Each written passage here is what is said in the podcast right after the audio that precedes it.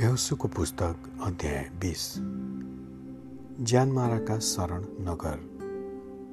तब परमप्रभुले यहोसुलाई यसो भन्नुभयो इजरायलीहरूलाई भनिदे मुसाद्वारा मैले तिमीहरूलाई भने बमोजिम तिमीहरूले शरण नगरहरू नियुक्त गर।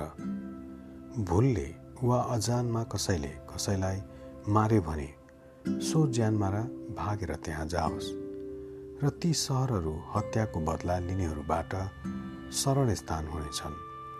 ती सहरहरूमध्ये एउटामा त्यो भागेर जाओस् र त्यस सहरभित्र पस्ने ढोकामा उभियोस् र त्यस सहरका धर्मगुरुहरूलाई आफ्नो कुरा सुनाओस् अनि तिनीहरूले सहरभित्र आफूहरू कहाँ लगी त्यसलाई ठाउँ देऊन् र त्यो तिनीहरूका साथमा बसोस्।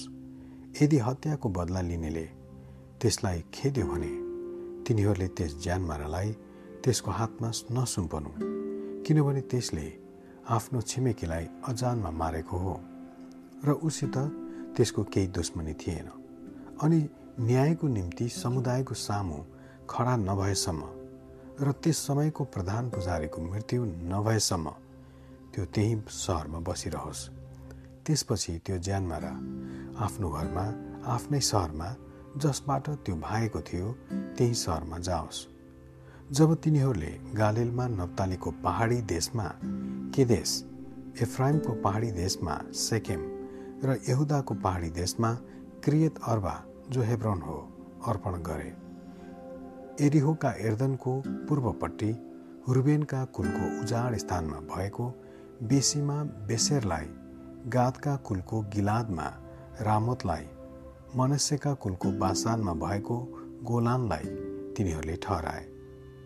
कसैले कुनै मानिसलाई भुलले मारेको भए सभाको सामु त्यसको न्याय नभएसम्म हत्याको बदला लिनेको हातबाट मर्न नपरोस् भनेर त्यो भागेर ज्यानलाई सारा इजरायलीहरू र तिनीहरूसँगै प्रवास गर्ने परदेशीहरूका निम्ति ठहरिएका सहरहरू यिनै हुन्।